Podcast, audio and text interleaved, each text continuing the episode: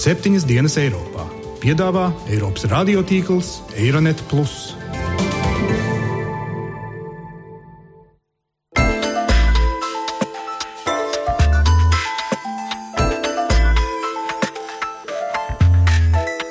Šonadēļ septiņas dienas Eiropā dzirdēsim. Kas tad mēs esam pat tauti, viens tūkstots bēgļu iznīcināt mūsu tautu? Tā plūsma turpinās, nu, ko mēs darīsim? Another coalition appears to be the only sort of government Greeks will get after September the 20th.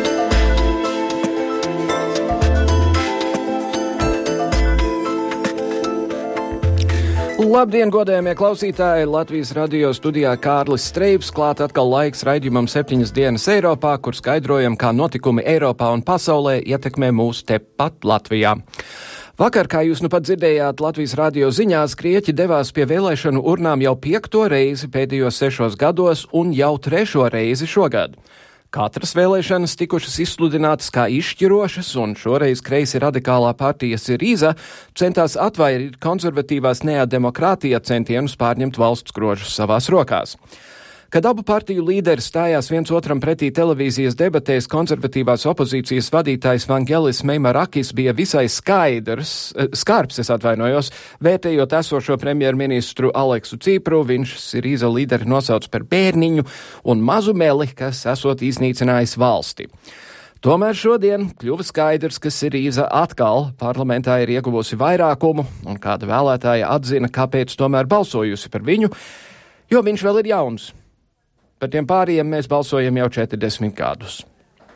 Tālāk šodien raidījumā spriedīsim par to, kā bēgļu krīzes sēnā grieķu tauta devusies pie vēlēšanu urnām, cerot pielikt punktu parādu krīzei, jo šobrīd visiem skaidrs, ka bēgļu krīzes politiskie risinājumi un tās humānās un humanitārās sekas ir daudz, daudz aktuālākas. Bet vispirms uzklausīsim dažus viedokļus par to, vai Krievijas pastiprinātā militārā klātbūtne Sīrijā sniegs jaunu iespēju sadarboties vai drīzāk būs konflikta destabilizējošs un paildzinošs faktors.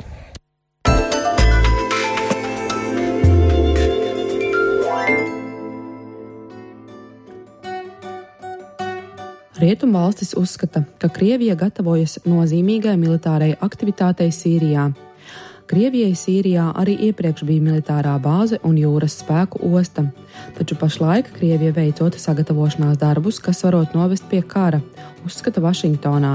Kā uzskata eksperti, tas ir strateģisks Krievijas solis atgūt savu varenību, jo rietumi saprot, ka tiem nav teju nekādu cerību sakaut Sīrijas prezidenta Bašara al-Asada režīmu, kā arī tikt galā ar pieaugušo teroristiskā grupējuma Islāma valsts lomu Sīrijā saviem spēkiem un Krievijas prezidents Vladimirs Putins to labi zina. Rietumi ir izolējuši Krieviju Ukrainas notikumu dēļ, tādēļ tagad tā sevi pozicionē kā ilgi gaidīto glābēju, neapstrīdamu rietumu partneri centienos sakaut islāma ekstrēmistus. Krievijas attieksmi skaidro Krievijas militārais eksperts Viktors Murahovskis. Американцы, как мы знаем, последние два десятилетия во многих случаях, вопреки уставу ООН, Pēdējos 20 gadus ASV ir noteikušas darba kārtību ANO un ir veikušas virkni militāro operāciju gan Irākā, gan Lībijā, un tagad tā cīnās pret islāma valsti. Ja ASV turpinās ar šādu attieksmi, Krievijai būs neiespējami sadarboties ar ASV kopējā cīņā tuvējos austrumos. И совместных действий по нейтрализации терроризма на территории Ближнего Востока не получится. Sīrijas politologs Tāers Ibrahīms skaidro, ka Krievija vēlas nosūtīt skaidru signālu rietumiem, ka tās ietekme Sīrijā joprojām ir būtiska. Manuprāt, Krievija sūta ļoti tiešu signālu, ka tās militārā klātbūtne Sīrijā nekur nav pazudusi. Bijušas daudz spekulācijas no ASV un Eiropas puses. Krievijai vairs nav laika ņemties ar Sīriju Ukrainas notikumu dēļ. Krievija vēlas atspēkot to un uzsvērt, ka tai pietiek militārā spēka aizstāvēt savas intereses reģionā.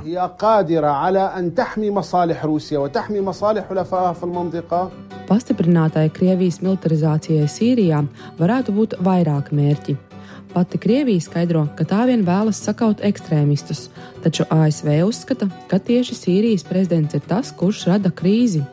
Krievijas militarizācijas pastiprināšanās varētu sniegt atbalstu prezidentam Asadam, kurš ir sens Krievijas sabiedrotais, taču kura militārais arsenāls jau sen ir sācis noplakt. Tas Krievijai piešķirtu arī lielāku teikšanu jaunās Sīrijas valdības veidošanā, kad Asads atstās savu amatu. Kā laikrakstam New York Times skaidro ASV eksperts Krievijas militārajos jautājumos Stīvs Blanks, šis izskatās pēc lielākās Krievijas spēka demonstrācijas reģionā pēdējās desmitgadēs. Viņš to salīdzina ar Padomju Savienības iesaisti karā Eģiptē 70. gados, piebilstot, ka tas palielinātu Krievijas lomu visā auglīgā pusmēneša reģionā. Tālākā Krievijas plāna daļa varētu tapt skaidrāka pēc tam, kad prezidents Vladimirs Putins būs izklāstījis savu rīcības plānu Sīrijai uzrunā apvienoto nāciju asamblējā. Plānots, ka tas notiks tieši pēc nedēļas, 28. septembrī. Jā, un redzēsim, cik daudz cilvēki noticēs Putinam par to, kas tur notiek. Pievērsīsimies tagad bēgļiem. Migrācijas eksperti brīdina, ka vēl daudz bēgļu ies bojā mēģinot šķērsot jūras starp Turciju un Grieķiju pirms sākas skarbās vidusjūras ziemas vētras. Tomēr laika apstākļi tikai uz brīdi apturēs bēgļu plūsmu, bet nepārtrauks to pilnībā. Vai šī mirkļa atelpa dos Eiropas valstīm iespēju saņemties un atrast vienotu risinājumu bēgļu krīzei? Tas, ka valstis no Balkāniem līdz pat Dānijai pat labam slēdz savas robežas un veido bēgļiem šķēršļu joslu, galu galā tikai uz brīdi apturēs bēgļu plūšanu uz turīgām Rietuma Eiropas valstīm. Tomēr šādi risinājumi bēgļu ceļošanu no Turcijas uz Eiropu neapturēs, bet tikai vairos ciešanas. Stingrākās robežu kontrolas tālāk uz ziemeļiem Grieķijā radīs slāzdu jauniebraucējiem. Tāpat tos vajadzēs izmitināt un pabarot, kamēr tiek izskatīta katra bēgļa pieteikums uz patvērumu. Un vienalga bēgļi joprojām būs Eiropas atbildība, un to ciešanas un nāvis būs uz mūsu eiropiešu sirdsapziņas. Tikko apaļā galda diskusijā ar Eiropas žurnālistiem Eiropas Savienības kaimiņu attiecību komisārs Johannes Hāns brīdināja, ka Eiropas Savienība nav tikai bankomāts un ka viņa prāta Austrum Eiropas valstu nostāja šajā krīzē ir tuvredzīga. I'm really disappointed, although Mercy uh, wouldn't have expected anything else about the outcome of the, of the ministerial conference on Monday. Es esmu ārkārtīgi vīlies ministra sanāksmes iznākumā, lai gan patiesībā nebija gaidījis neko citu. Man nav nekādu šaubu, ka beigu beigās mēs spēsim tikt galā ar šo krīzi, bet diemžēl attiecības starp dalībvalstīm būs neatgriezniski cietušas. Es baidos, ka sākam celt jaunu, neredzamu dzelzs priekškaru starp veco un jauno Eiropu. Šis solidaritātes trūkums radīs lielu vilšanos, un esmu patiesi nobažījies, kādas būs ilgtermiņa sekas. Es nebūtu pārsteigts, ka pēc dažiem gadiem, kad sāksim apspriest nākamo daudzgadu finanšu ietvaru, šī vilšanās būs svaigā atmiņā. Es nedraudu, bet kā bijušais reģionālās politikas komisārs, es labi zinu, cik grūti bija vienoties par budžeta un maksājuma apjomu saņēmēju valstīm. Un tas bija iespējams tikai pateicoties savstarpējai cieņai un solidaritātei jāapzinās, ka šodienas starpvalstu solidaritātes deficīts var būt ar ilgstošām sekām. About, uh, uh,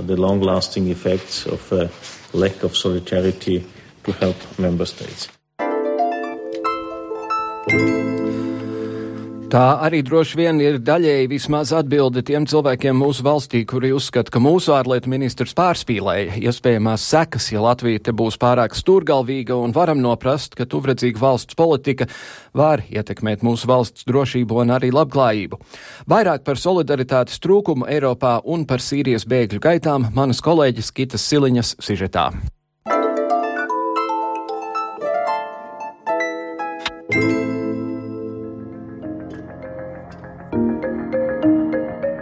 Par bēgļu krīzes risinājumiem Eiropas Savienības dažādos politiskos, ierēdnieciskos un sabiedrības formos tiek gari un plaši spriests.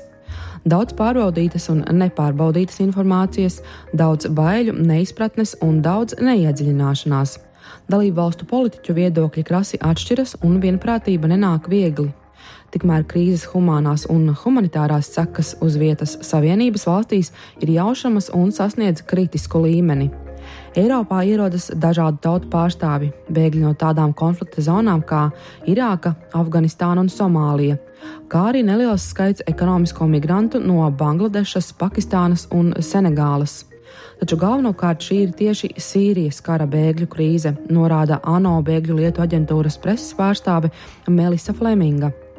Jauns sīriešu masveida izceļošanas vilnis ir papildinājis nepieredzēto migrantu un bēgļu plūsmu uz Eiropu. Tiek uzskatīts, ka šī ir lielākā cilvēku migrācija uz kontinenta kopš otrā pasaules kara beigām, un viens no galvenajiem iemesliem - Sīrijas četrus gadus ilgstošais karš. Latvijas Universitātes Āzijas studiju profesors Leons Taivāns, skaidrojot kara Sīrijā izcelšanos un to, kāpēc ir situācija, ka sīrieši riskē kāpjot laivās, lai nokļūtu Eiropā, norāda arī, ka atbildība jāuzņemas būtu daudzām pusēm - gan ASV, gan Islāma valstī, gan Eiropai. Nu, šeit saprotam situāciju, kāpēc cilvēki riskē mazās laiviņās un dodas uz Eiropu, tāpēc, ka uh, Sīrijā Viņam vienkārši ne tikai runa par to, ka viņam trūkst pārtikas, tas ir viena no milzīgām Sīrijas problēmām šodien, bet viņam vienkārši uz, uzglūda nāvi, jo Islama valsts jau neceremonijās ne ar vienu. Kas uh, negrib ar viņiem aktīvi sadarboties, tad tam būs jācieš. Tas ir viens iemesls. Dziļākie iemesli jau ir, protams, politiski. Iepriekšējo gadu darbība šeit ir vainojama Un galvenokārt Amerikas Savienotās valstis ir īstenojušas politiku, kas novedusi pie šādas situācijas, un, un, un arī Eiropas valstis. Kopš bēgļu pieplūduma sākuma 12. gadā ANO pārstāvju vairāk kārt ir brīdinājuši par sekām, kas radīsies ignorējot bēgļu krīzi. Mēdījiem norādīja Fleminga, kura pērn konferencē TED Global skaidroja, kāpēc viņas prāta bēgļiem ir jāpalīdz. Fleminga stāstīja, ka viņa strādā ar bēgļiem, jo vēlas kaut ko mainīt, piedaloties. Viņa savu darbu krīzes vietās sāk ar to, ka, lai izzinātu katru konkrēto situāciju, uzdeva jautājumus šiem cilvēkiem, kuri bija devušies bēgļu gaitās. Piemēram, kas notika ar tavu māju, kur ir tava ģimene, kas nogalināja tavu dēlu un tam līdzīgi. Tie ir atšķirīgie jautājumi, jo situācijas mēdz būt dažādas. Taču ir viens jautājums, ko Fleminga uzdod visiem kopīgu. Kas bija tā svarīgā lieta, ko tu ņēmi līdzi, kad tavā pilsētā sprāga bumba vai bruņota banda tuvojās tavai mājai un tev bija jābēg? Turpina Fleminga. A Syrian refugee boy I know told me that he didn't hesitate when his life was in imminent danger. Sīrijas bēgļu zēns man teica, ka viņš nav vilcinājies, kad sapratis, ka viņa dzīvībai draudēja briesmas. Viņš paņēma savu vidusskolas diplomu, un vēlāk viņš man paskaidroja, kāpēc. Viņš teica, es paņēmu savu vidusskolas diplomu, jo mana dzīve ir atkarīga no tā. Viņš bija riskējis ar savu dzīvību, lai iegūtu to. Ik reizi ceļā uz skolu pastāvēja drauds no sniperiem. Viņa klase nereti drebēja no bumbu skaņas un apšaudes, un viņa māte man sacīja, ka katru dienu bija lūgusi, lai dēls neiet uz skolu. Puisis mammai bija atbildējis: Mēs visi baidāmies, bet skola ir svarīgāka par bailēm. Diemžēl pienāca diena, kad ģimeni sasniedza ziņa, ka zēna tante, tēvocis un brālēns tikuši noslapkavoti pašu mājās, jo bija atteikušies to pamest. Viņu kakli bija pārgriezti. Bija laiks bēgt, un viņa pameta Sīriju tanī pašā dienā. Zēnam nācās slēpties automašīnas aizmugurē visu ceļu, kamēr viņa nokļuva Libānā un pievienojās pasaules lielākajai bēgļu kopienai valstī, kas ir niecīga. Libānā ir tikai 4 miljoni iedzīvotāji un 1 miljons Sīrijas bēgļu dzīvo tur. Tur nav runa par pilsētu vai ciemu, kas uzņem bēgļus. Runa ir par labestību un cilvēcību. This is generosity and humanity that is remarkable. Profesors Taivāns intervijā norādīja, ka mēs Latvijā tomēr neesam ne finansiāli, ne morāli gatavi uzņemties šo atbildību, būt līdzdalīgi bēgļu uzņemšanā. Vairs nav jautājums par to, kas notiek tur. Jautājums ir, kas notiek šeit un kas notiks šeit. Nu, šī ir ļoti traģiska lieta, un tad jautājums ir tāds, cik mēs lielā mērā varam uzupurēties. Es domāju, ka šo jautājumu jārisina tādā veidā. Iedomāsimies, uzņemt katrā mājā bēgļus. Nu, tad padomāsim, kā mēs to, kādu istabu mēs atbrīvosim, kādu mūsu algas daļu mēs atrezervēsim šim cilvēkam, eh, ko mēs viņam pirksim, kā mēs par viņu gādāsim, par viņu darbā iekārtošanu un tā tālāk, kā mēs būvēsim attiecības, kādā valodā mēs runāsim.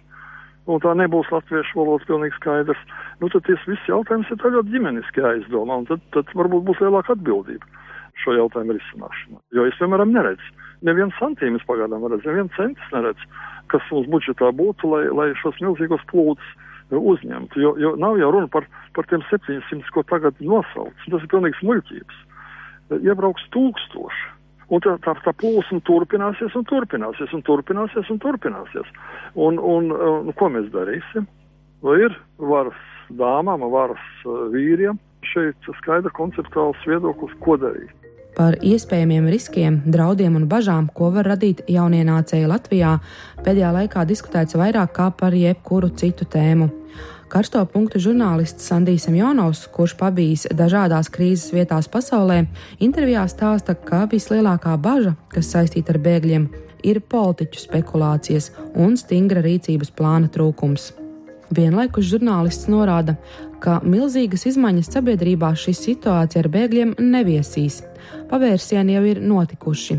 Lieku reizi parādās mūsu stingrā mugurkaula trūkums jo mūsu ziņā ir būt cilvēcīgiem un stingriem humānā nostājā.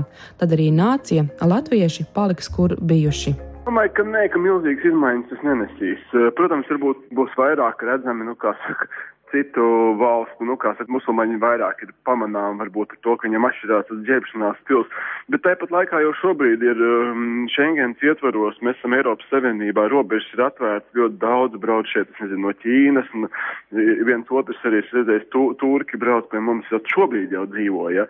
Un arī tur viens tūkstots vai divi tūkstoši, nu, nevar uh, sakraut nāciju. Kas tad tā pa nāciju jautājums, vai kas tad mēs esam pa tautu?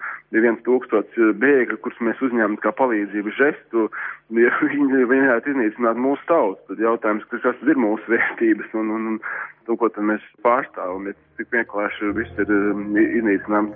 Jāatzīst, ka tās ir mūsu bailes un mūžīgo ciešanu sindroms, kas liedz sacīt, esiet laipni gaidīti bēgļi. Skaidrojot viena no dominējošā sabiedrības noskaņojumu iemesliem, norāda vēsturnieks Gustavs Stranga. Patiesībā šis stāsts nav par viņiem, tiem cilvēkiem, kuri mūk no Sīrijas kara, tas ir stāsts par mums un mūsu bailēm. Un mūsu reakciju uz svešo, varbūt šķietamu svešo, un patiesībā šī bēgļu krīze, kas Eiropu ietekmēs noteikti vēl ļoti ilgu laiku, varbūt pat desmit gadus, parāda mūsu tieši Austrum Eiropas neskatotību piedalīties globālu problēmu risināšanā. Mēs esam, kā Latvijas valsts un Latvijas pilsoņi, daļa no, varētu teikt, bagātākā pasaules valstu bloka. Mēs iegūstam no tā, ka pasaule ir globāla, es te domāju visu Eiropu. Un situācijā, kurā mums būtu jābūt līdzdalīgiem šo problēmu risināšanā, mēs pēkšņi pasakām, ka mēs nelīdzdarbosimies, jo vēsturiski mēs esam cietuši, un arī mēs esam nabadzīgi. Bet faktiski mēs no tā visa pārējā, kas notiek Eiropā, ļoti daudz iegūstam. Lūk, kā. Nu tā, vai Grieķijas parādu krīze tiešām vairs nav aktuāla? Kamēr Eiropa mokās ar bēgļu krīzi, Grieķi devās pie urnām, lai dotu mandātu politiskiem spēkiem turpināt reformas un tik galā ar bēgļu krīzi. Lai komentētu Grieķijas parlamentu vēlēšanu rezultātus, esam aicinājuši žurnālistu un Grieķijas pārzinātāju, jo viņš tur kādreiz kādu laiku dzīvoja manu kolēģi Jāna Kropu. Labdien! Sveicināti! Pārsteigums šis, šis rezultāts, jo it kā visu laiku teica, ka tās divas vādošās partijas, bet, bet ir labs rezultāts gal galā. Uh, savā ziņā tas varētu būt pārsteigums, ja tur sākumā skatījāmies uz tām uh, provizoriskajām aptaujām, kuras tad tur teica, ka vajadzētu būt ļoti sīvai cīkstēšanai, bet atkal otra lieta ir, kas nepārsteidz, ir tie rezultāti tādā ziņā, ka, nu, salīdzinoši nesen lasot Grieķijā, tīri tā parunājot ar tavernas saimnieku vai kādu draugu, vai vienkārši uz ielas kādu satiktu, nu, vai viesnīcas darbinieku, tā sajūta bija tāda, ka diži nekādas pārmaiņas gaidīt nevajadzētu. Jo no vienas puses viņi saka, ka lielākoties tauta ir pagurusi jau no šiem jēdzieniem, no šīm cīņām, no šiem um, idejām, ka kaut ko tā kā vajadzētu, jo patiesībā būsim atklāti, nu, pēc referenduma jau viss ir izlemts. Ja? Nu, tad šī valdība vienkārši turpina strādāt. Man personīgi tas ir pārsteigums tādā ziņā, um, nu, it kā tā loģika saka tā, nu, ja jums ir nācis pie varas viens tā kā, nu, tomēr nosacīt populistisks politiķis, kurš nav izdarījis to galveno, ko solīja, panākt jaunu darījumu, bet patiesībā situācija vēl vairāk sarežģīja, nu, tad kā loģika ir tāda, kāpēc par viņu vēlreiz balsot. Bet, nu, šajā gadījumā varbūt tiešām Grieķiem nostrādā tas, ka viņš ir jauns politiķis, ka viņš iedod varbūt tādu um, jauna laikmeta uh, vesmu iekšā tajā Grieķijas politikā, jo būsim arī atklāti, Grieķu politika ilgstoši, nu, vairāk nekā 30 gadus bija tāda izteikti divparteiska sistēma. Lai arī viņiem ir daudz partiju sistēma, bet patiesībā nu, tās mazās partijas nekad nekas īsti nav skaitījušies, pat komunisti viņiem nekad nav bijuši ļoti populāri. Jā, sociālisti un, un patoks bija tie tās divas. Pasoks ir tā sociālistu Pasoks. apvienība un nedemokratie pēc, ja nemaldos, 74. gada, kad uh, atgriezās no trimdas liela daļa grieķu inteliģences, tad viņi izveidoja nu, šīs bāzes, izveidojās šī partija, tāda kā liberāla partija, tad, kas būtu nu, pretnostatījums sociālistiem. Un tā visus šos gadus tā arī bija. Te pie varas bija ilgstoši pasok, kas ir sociālistu apvienība, te arī bija pie varas nedemokratie. Un tad nedemokratie izkrita tā loze, nu, kā Kalvīša valdība pirms mūsu krīzes, viņi bija tie pēdējie, kad it kā viss vēl skaitījās labi, tad nāca lielais trieciens, un tad ir jautājums, nu, kur tad jūs visi skatījāties? Un, uh, varbūt savā ziņā nu, šeit ļoti veiksmīgi ir nostrādājis tas, ka nedemokrātija, tad, kad sākās visas problēmas krīze, ja, tad viņi ļoti veiksmīgi atdeva tos varas grožus pasok. Es atceros, kā uh, Jorgos Papandreou, nu, ļoti ietekmīgas dinastijas pārstāvis, jo Papandreou ir bijuši pie varas daudzās paudzēs. Šie ja. lieliskie garie grieķu uzvārdi, Papadopoulos un, un vispār. Nu, nedemokrātija tas ir Karamanlis, ja, un tad uh, viņu ģimene, jo tur ir tēvs izveidoja partiju, tad, ja nemaldos dēls vai nu brāļa dēls, atkal bija tas pēdējais premjeras krīzē, un tad atkal Papandreou ir tā otra ģimene, ja, kas nāk no sociālistu puses, jo tur ir Andrejā Papandreou, ļoti slavens grieķu politiķis, ļoti arī nu, lielā mērā cienīts politiķis, un tad Jorgos, ja nemaldos, ir viņa dēls, un viņš saņēma šo premjera amatu ar tādu, nu, beidzot, tad, kad pasaku sociālisti ir nākuši klāt, bet būsim atklāti, tad, kad tā sniega bumba veļas lejā, jau nu, neko jūs vairs neizdarīsiet, tā ekonomika krīt. Un tajā brīdī, tā, kad tā ekonomika nokrita, Papandreou vienojās pirmo reizi ar aizdevējiem, un tāpēc Papandreou vēl joprojām tiek uzskatīts kā tautas nodevējs Grieķijā. No, Kas ir šis, šis Cipras tavuprāt? Vai, vai viņš ir vienkārši radikāls populists, kurš gadījās, kuram gadījās būt pareizajā vietā, pareizajā brīdī, vai viņš ir kaut kas vairāk? Es domāju, ka pirmkārt ir ļoti tuvredzīgi domāt, ka Cipras ir kaut kāds, eh, kā mēs varam citēt dažus eh, mazāko partiju līderus, kurš saka, ka viņš ir vienkārši mazs idiots vai mazs puišels. Jo Sirīza izveidojās kā partija apvienība 2004. gadā, un tiešām sākumā Sirīza, es pat atceros to laiku, kad es dzīvoju Atēnās un studēju tur, tad Sirīza īsti tā kā neviens īsti nerēķinājās, bet tajā pašā laikā, nu, teica tā, nu, ap 7, 8% tā būtu viņu vieta. Tā kā komunisti, piemēram, komunisti arī vienmēr ir bijusi tāda viena viena daļa grieķu, kas atbalsta komunistus, un ir otra tāda lielākā daļa, kur saka, ka Dievs, šis, cilvēks ir komunists, labāk neielaidieties ar viņu diskusijās. Ja? Mm -hmm. Bet viņš ir pārliecināts tāds vēlētājs. Un tad, lūk, atbildot šo jautājumu par Sīriju, manuprāt, Sīrija ir piesaistījusi ar to, ka Sīrija uz citām mazām tādām radikālām apvienībām, partijām ir mēģinājusi tomēr celt to savu reitingu. Viņiem tas ir izdevies, un lielā mērā tas ir tieši noticis tāpēc, ka partijas vadītājs ir Aleksis Cipras. Viņš ir jauns, viņš ir enerģisks, daļēji tajā, ko viņš saka, tur var saprast loģiku. Tas nav tā vienkārši um, Grieķiju Grieķiem un visi ārzemnieki ārā no šejienes, ja, bet viņš varbūt pateiks, es nezinu, no īsti Sīrijas varbūt arguments tas nebūs, bet viņš pateiks to kaut kā tā, ka tu saproti, ka viņam ir tam apakšā nu, kaut kāda lielāka jēga, ko viņš saka. Tas nav tikai tā saukļos izsaukt. Otra lieta arī, kad uh, bija visa šī jēzga ap to vienošanos ar aizdevējiem, ja, kad tur, um, nu, kā arī dažādus ārzemju portālus lasot, tad bija uh, tā lielā diskusija, vai Cipras ir muļķis, ka viņš neko nesaprot, vai tieši otrādi, ka viņš ir tiešām aizgājis tajā spēļu teorijā, nu, ka tāda prāta jau spēlē, ka tur vairs neviens, um, tā teikt, vidējais sekotājs tam vairs nevar izsekot līdzi, kas tad īsti notiks. Un es domāju, ka Sīrija ar to ir īpaša, ka viņi tādu rada iespēju, ka tiešām ir nākus kaut kāda trešā partija, kas nu, ir sašķēlusi to divu partiju valdības laiku, un viņi nākuši ar to savu radikālo pienesumu klāt. Nu, jā. um, Sirīzai viņa acīm redzot veidos, eh, veidos atkal koalīciju ar ļoti konservatīviem spēkiem, un viņiem, cik var spriest, būs 155 eh, vietas eh, no 300, kas ir ļoti, ļoti trausls vairākums.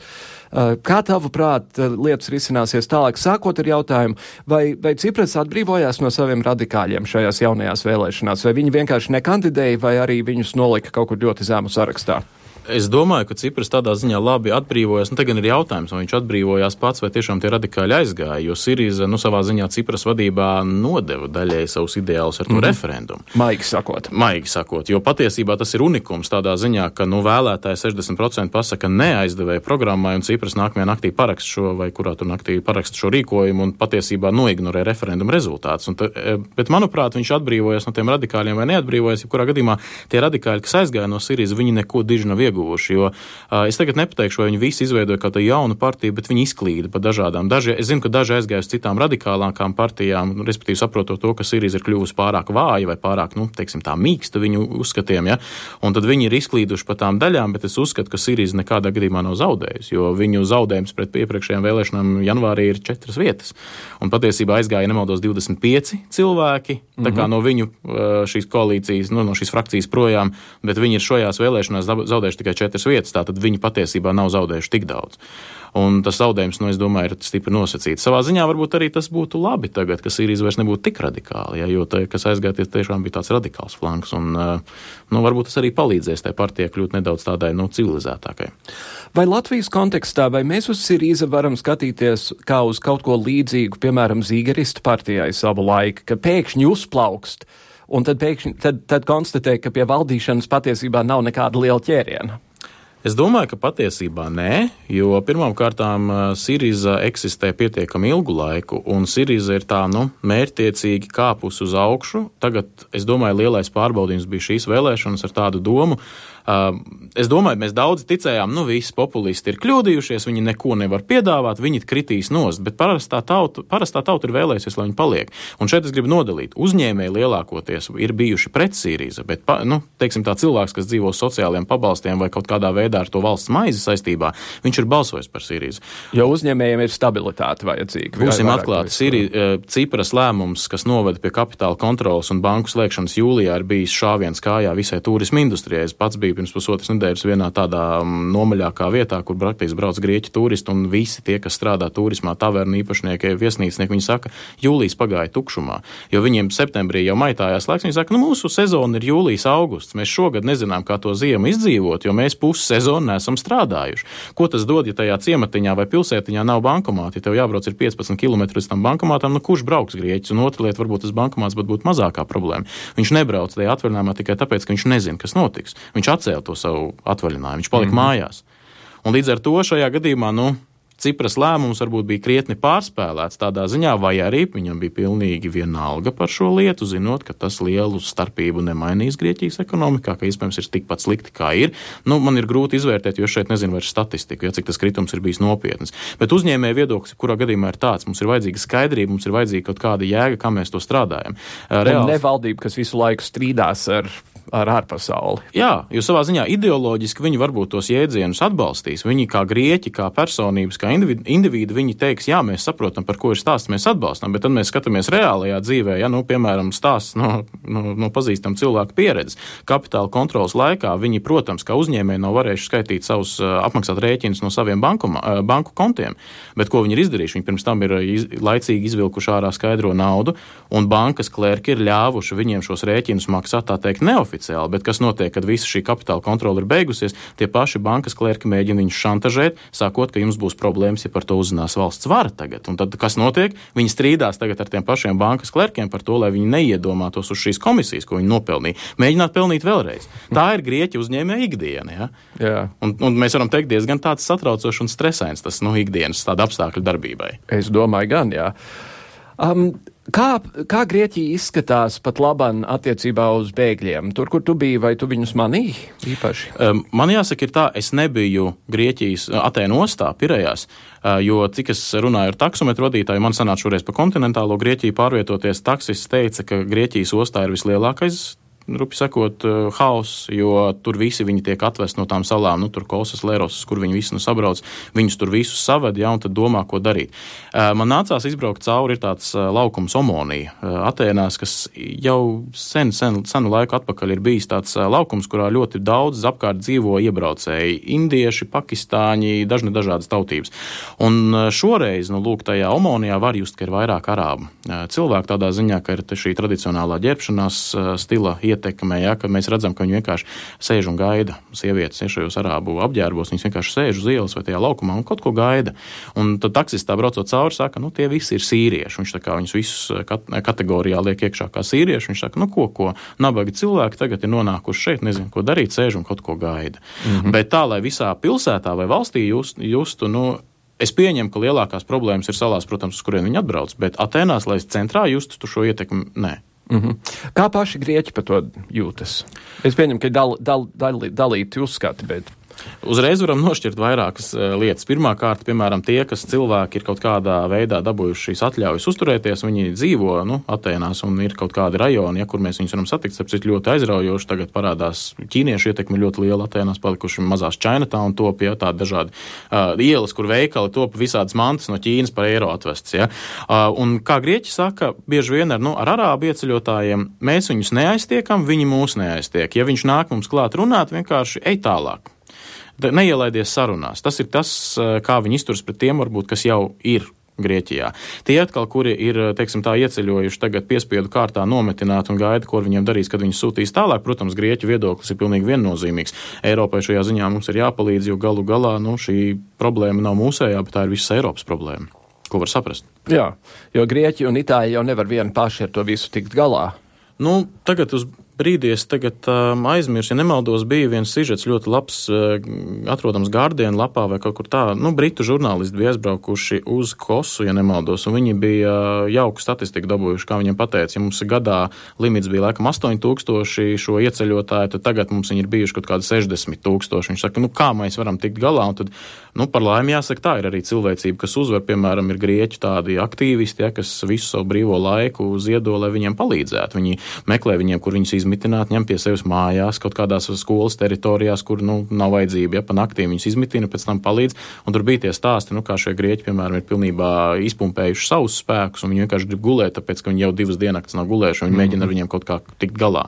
Un pie mums mēs, mēs, mēs baramies par 750 cilvēkiem. Nē, nu, katram ir noteikti pēc saviem mērogiem. Ja? Nu, Latvieši satrauc tie 750, kas varbūt arī ir pamatot, ka cilvēks tas satrauc, un tev varbūt ir ļoti svarīgi skaidrot, bet tajā pašā laikā, manuprāt, ir ļoti svarīgi arī tā attieksme, ka ir jāsaprot, ir citi, citur ir tās problēmas vēl asākas, ja, nu, tad mēs varam palīdzēt kaut nedaudz. Jo, ja es domāju, tīri individuālā veidā, nu, ja pat ir cilvēks, kurš cieš, un ja jums ir kaut kādas iespējas viņu pielikt kaut vai pie darba, ja, ja nemaldos, putnu fabrika ķekā bija teikusi, mēs labprāt viņus mm -hmm. likt strādāt, ja tikai viņi ir gatavi apmācīt, un ja tikai ir šī attieksme, ka viņi grib strādāt, manuprāt, tas būtu apsveicams. Jo savā ziņā, man liekas, mums pat pēcpusdienas raidījumā vienreiz bija viens temats saistībā ar šo, ka tur arī dažādi NVO pārstāvi teica, galvenais ir saprast, pie kā vērsties ar šo piedāvājumu palīdzēt, jo Latvija šobrīd nav pat tā koordinējošā. Jā. Un savs Chinatowns mums arī ir viens cēsīs. Ne, jā, jā, jā, kā ar veikaliem, es nezinu, nav, nav nācies iegriezties. Jā. jā, tur restorāns noteikti ir un mākslas galerija, to es zinu.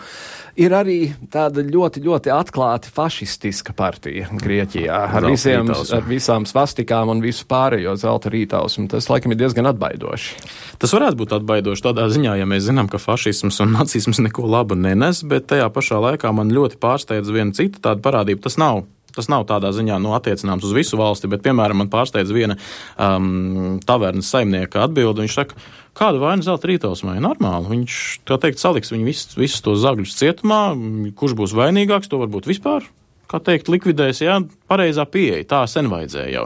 Tā teikt, pārāk daudz ir uz kakla dzīvojuši tādi, nu, šefmaņi, kuri tad ir iztērējuši to valsts naudu Eiropas projektus dažādām interesantām lietām, respektīvi, ka tā nauda nav nonākusi, tad viņus vajadzētu arī tādā veidā sodīt. Nu, tā reakcionārā pieeja ir ļoti stingra. Par laimi es teikšu tā, ka tā zelta rītausma no ap tiem 6-7% vēlēšanās grozās, jo, ja viņi iegūtu lielāku pārstāvniecību, nu, tad būtu jāsatraucās. Nu, ja nemaldos šajās vēlēšanās, viņi ir kaut kādas 18 vietas ir dabūjuši, kas uz 300 vietu parlamentu parlamentu nav tik briesmīgi. Ja? Cerēsim, ka tā partija paliks tādā nu, komunistu līmenī, ja tur ir tie trakie kaut kādi, kuriem ir tas savs atbalsts, bet vairāk vai mazāk viņš nu, tā drusku mm -hmm. staigāt. Šajā ziņā trakāk ir Skandināvijā, kur tā, tās, tās pusfašistiskās partijas tiek tālu. Kas attiecas uz Grieķijas tautsēmniecību, vai varam pieņemt, ka tur tagad nākamajos pāris gados būs tas pats, kas bija pie mums savu laiku? Proti, būtībā Brisele mums pateiks priekšā, kas ir jādara ekonomiski, un mēs to darīsim.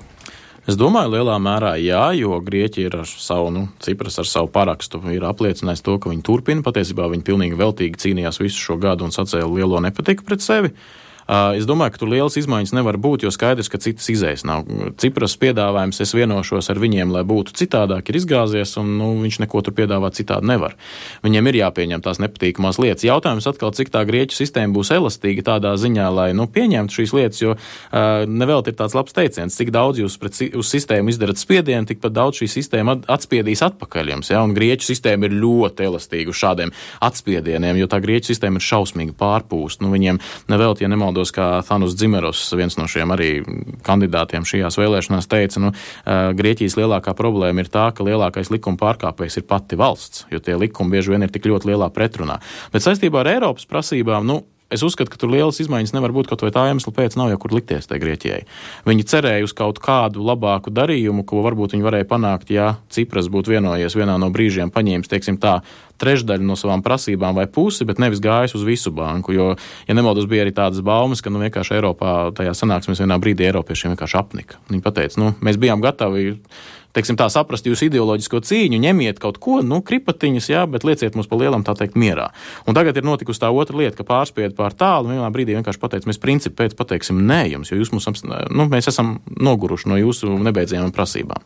Tas varbūt arī ir tāds, nu, nedaudz. Uh, jautājums, cik Cipras ir bijis ļoti labs kā vadītājs, ja, ka viņš varbūt nav sajūtis šo robežu, kurā brīdī apstāties, un viņš iegrūda patiesībā valsts drusku lielākās problēmās.